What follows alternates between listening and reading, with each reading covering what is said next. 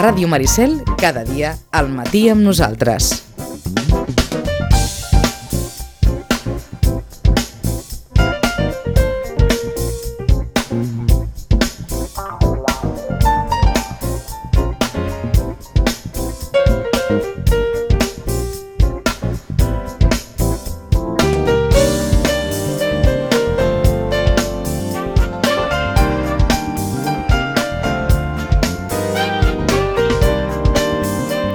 Ja us deia jo que si estiraríem aquest fil.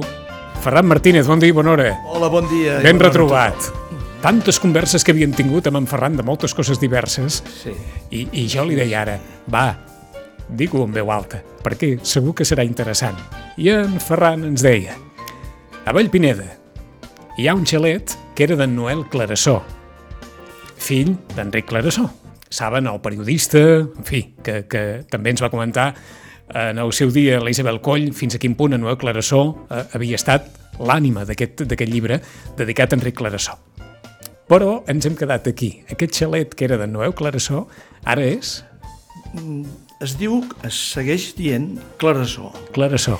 I no ara, ja fa, ja fa bastants anys, perquè li va vendre el mateix Noel Clarasó eh, amb ell, eh, és de en Pere Stanley. Caram. Això segur que la Isabel o la Beli que saben Segur, tot. segur, segur. Ho saben, i, i bueno, és un anecdòtic, però aquesta mena de fils entre artistes... Eh? Eh, Que són molt sovint Sí, fils sí, sí. discrets, d'aquells que es veuen molt poc. Per, per cert, tampoc no, no ho direm, però ben aviat hi haurà bones notícies a la Fundació Stanley, eh? Sí, i tant, i tant, i tant. Ben, ben aviat, eh, el, divendres mateix n'hi haurà una de bona. Aquest divendres. Aquest divendres. La vols apuntar? Vaja, que estem Sí, en, com sí, dirien sí. els castellans, en harina. Sí, eh, la peça del mes es fa al Salador, eh, és una obra, una de les primeres obres d'en de, de, d'en Pere Stanley, eh, un autorretrat amb gabardina, i, i bueno, lligat a aquesta obra hi ha altres coses que fins aquí puc arribar. Coses maques, eh? Sí, sí, que tenen a veure amb indrets, de, amb indrets importants del nostre sí, patrimoni. sí, sí. Eh? Però tenim en Ferran Martínez, no tant per parlar d'això, que ens permetria una llarga conversa, sinó perquè demà es presentarà a les 6 de la tarda al Miramar al Consell Local per la República de Sitges. Bé, fem una mica d'història de, de tot plegat i, i sobretot, gaire, gairebé diríem, pel col·lectiu de persones que durant aquests anys heu estat al darrere d'aquest objectiu i esteu al darrere d'aquest objectiu i abans de parlar de, de la presentació de demà, quina sensació teniu ara?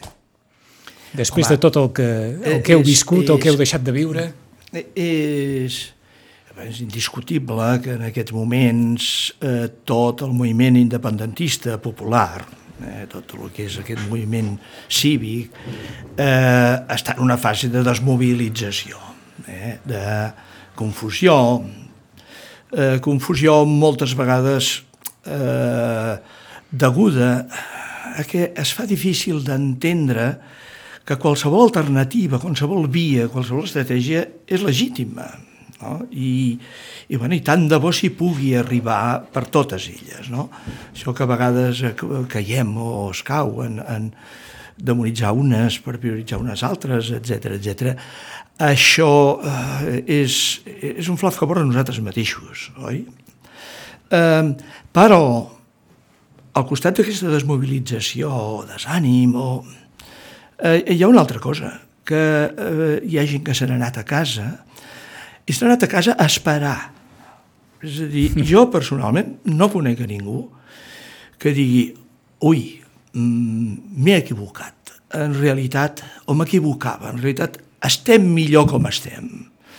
Eh, jo crec que no és així perquè, a més a més, el dia a dia ens convenç cada vegada més de que la necessitat de decidir primer, la necessitat de determinar què, què, qui som i què volem ser. Qui som no cal determinar-ho, ja ho sabem, mm -hmm. no? però què hem de ser per esdevenir un, un racó del món, un país eh, de progrés, eh, mirant, mirant al final del segle XXI, no mirant al segle XXI, que ja hi som, ja ha passat eh, més d'una cinquena part. Bé, doncs eh, només hi ha un camí, que és poder decidir quin és l'aparell legislatiu, quins són els reglaments, quines són les decisions, quines són les coses que millorin a la gent.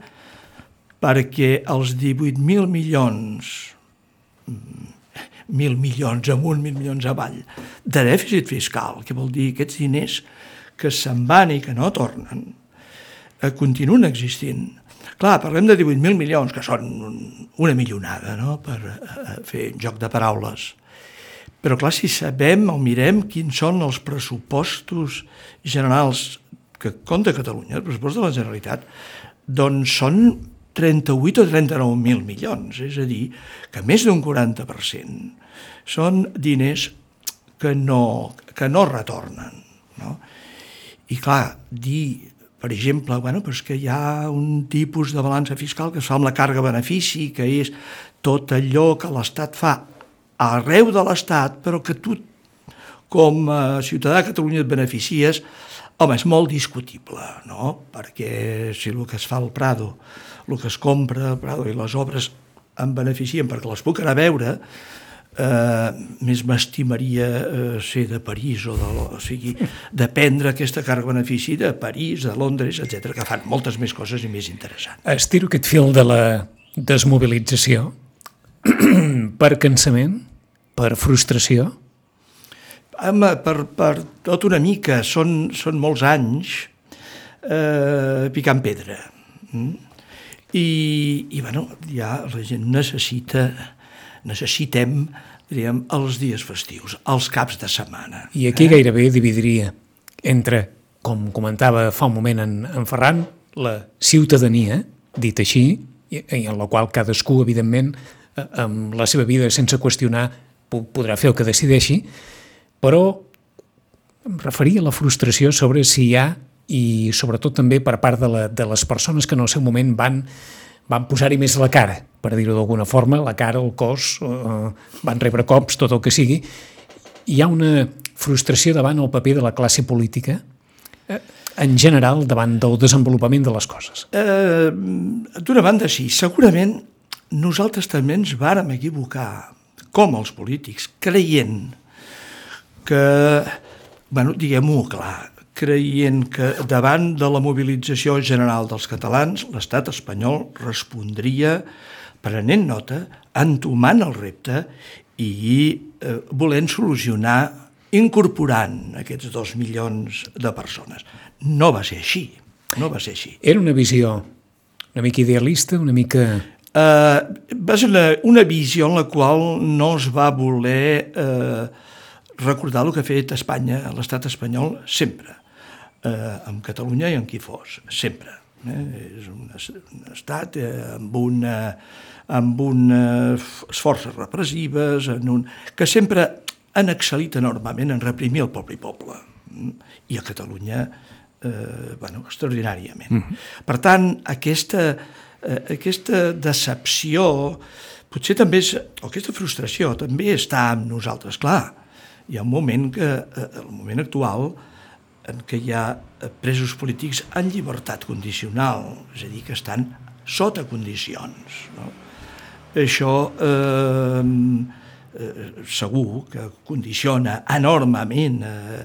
És per això que el, alguns o molts hem decidit eh, seguir i impulsar i ajudar i encendre les llumetes que han de eh, il·luminar, ni que sigui tímidament, tot el territori de Catalunya, amb el Consell de la, per la República. El Consell per la República, que és una institució que està a l'exterior i, i que és la que de moment eh, de quan en quan es dona una petita mm -hmm. alegria. Dit d'aquesta manera, Confieu més ara en el paper del Consell per la República que no pas amb el paper que puguin fer ara les, les forces polítiques? Eh, les forces polítiques estan molt lligades de mans i eh, i, i a més a més les forces polítiques, els, els, els polítics tan denostats, eh, a mi no m'agradaria ser-ho, la veritat. Eh, crec que això que tenen molts condicionants, condicionants de, de la feina. Eh? Allò que es diu eh, la cadireta, eh, la, la paga, el sou, etc etc.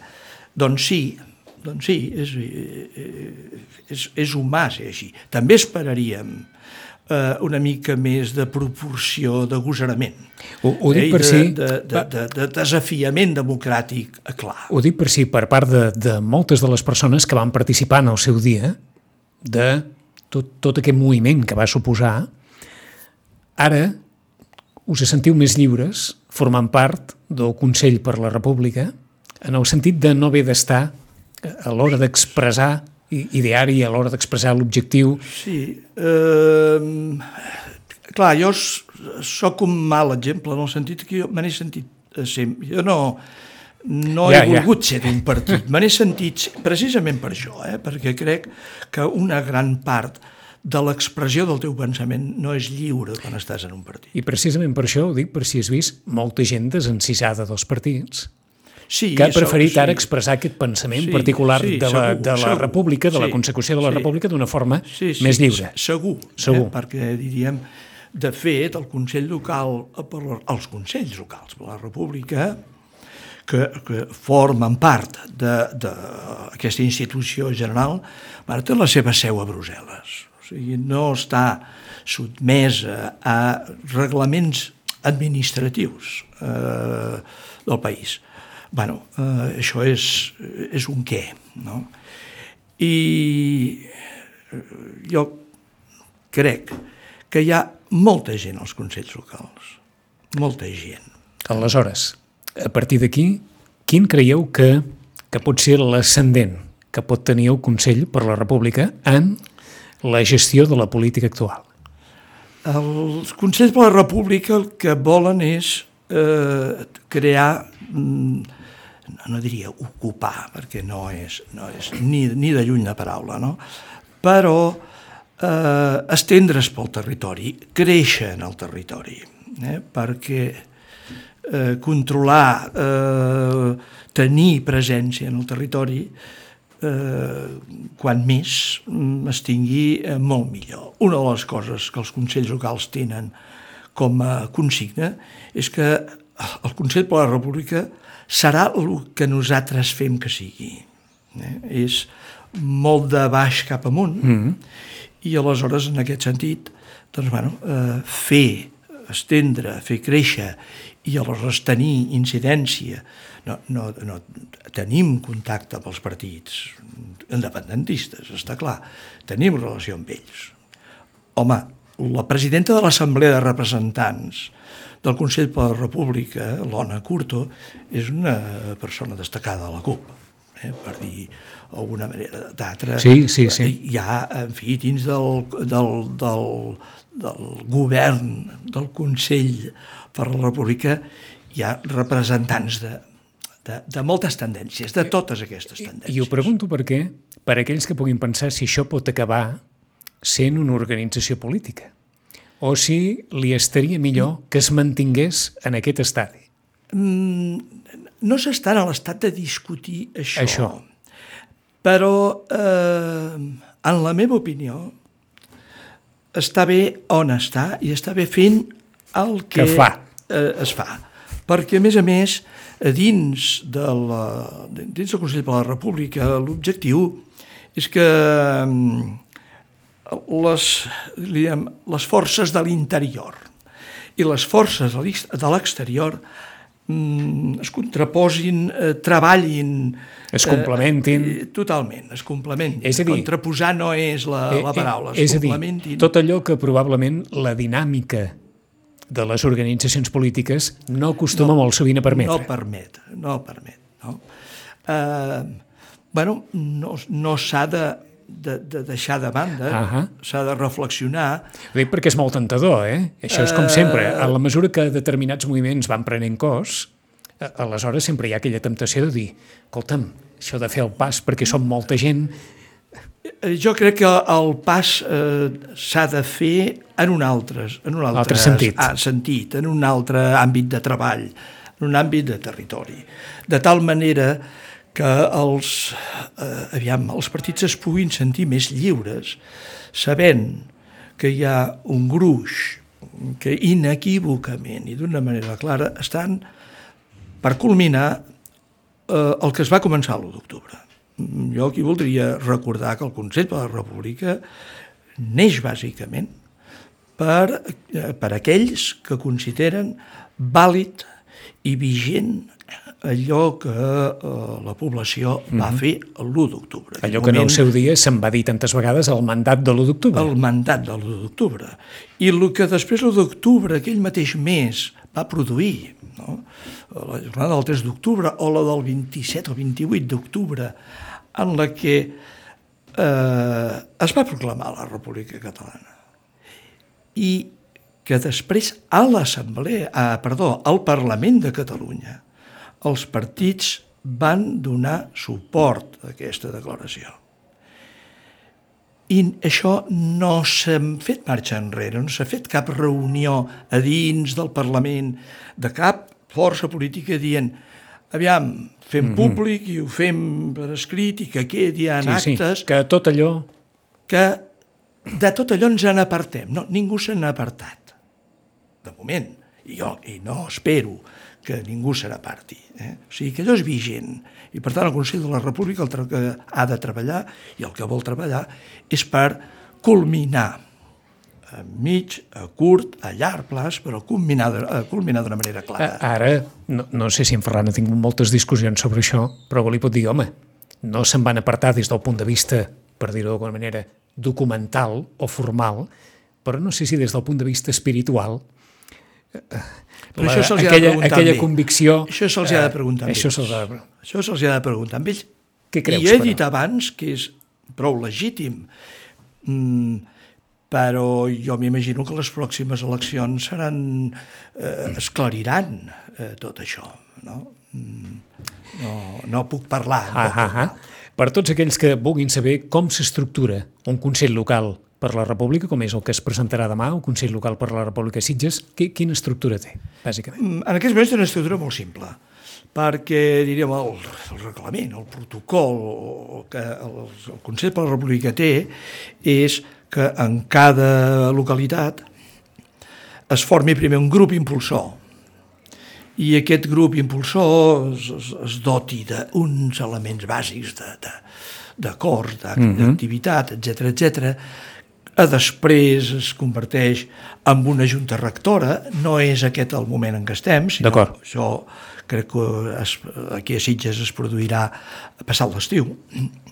Ara ens presentem eh, i, i aleshores a partir d'aquí eh, tirar endavant eh, activitats, actes, eh, accions en aquest sentit o pròpies de la localitat o encaixant-se amb estratègies i amb campanyes que des del Consell per la República es tiren. D'acord. Per tant, ara bàsicament és punt de partida, correu electrònic de contacte i totes aquelles persones que vulguin formar part. I que en vulguin formar part... D'aquest embrió inicial. De, de, sí, la, el, la inscripció ciutadana és telemàtica a través de la web del Consell per la República. D'acord. I allà, mm, vaja, entrar-hi i ja és, t'acompanyen de la maneta. Mhm. D'acord. I si no, com dèiem, aquest correu electrònic que ha publicat el Consell Local Sí, per la República, sí, que és sí. sitges arroba consellrepublica.cat. Correcte. Aquí es pot adreçar Aquí qualsevol pot persona que adreçar vulgui Qualsevol persona. que vulgui.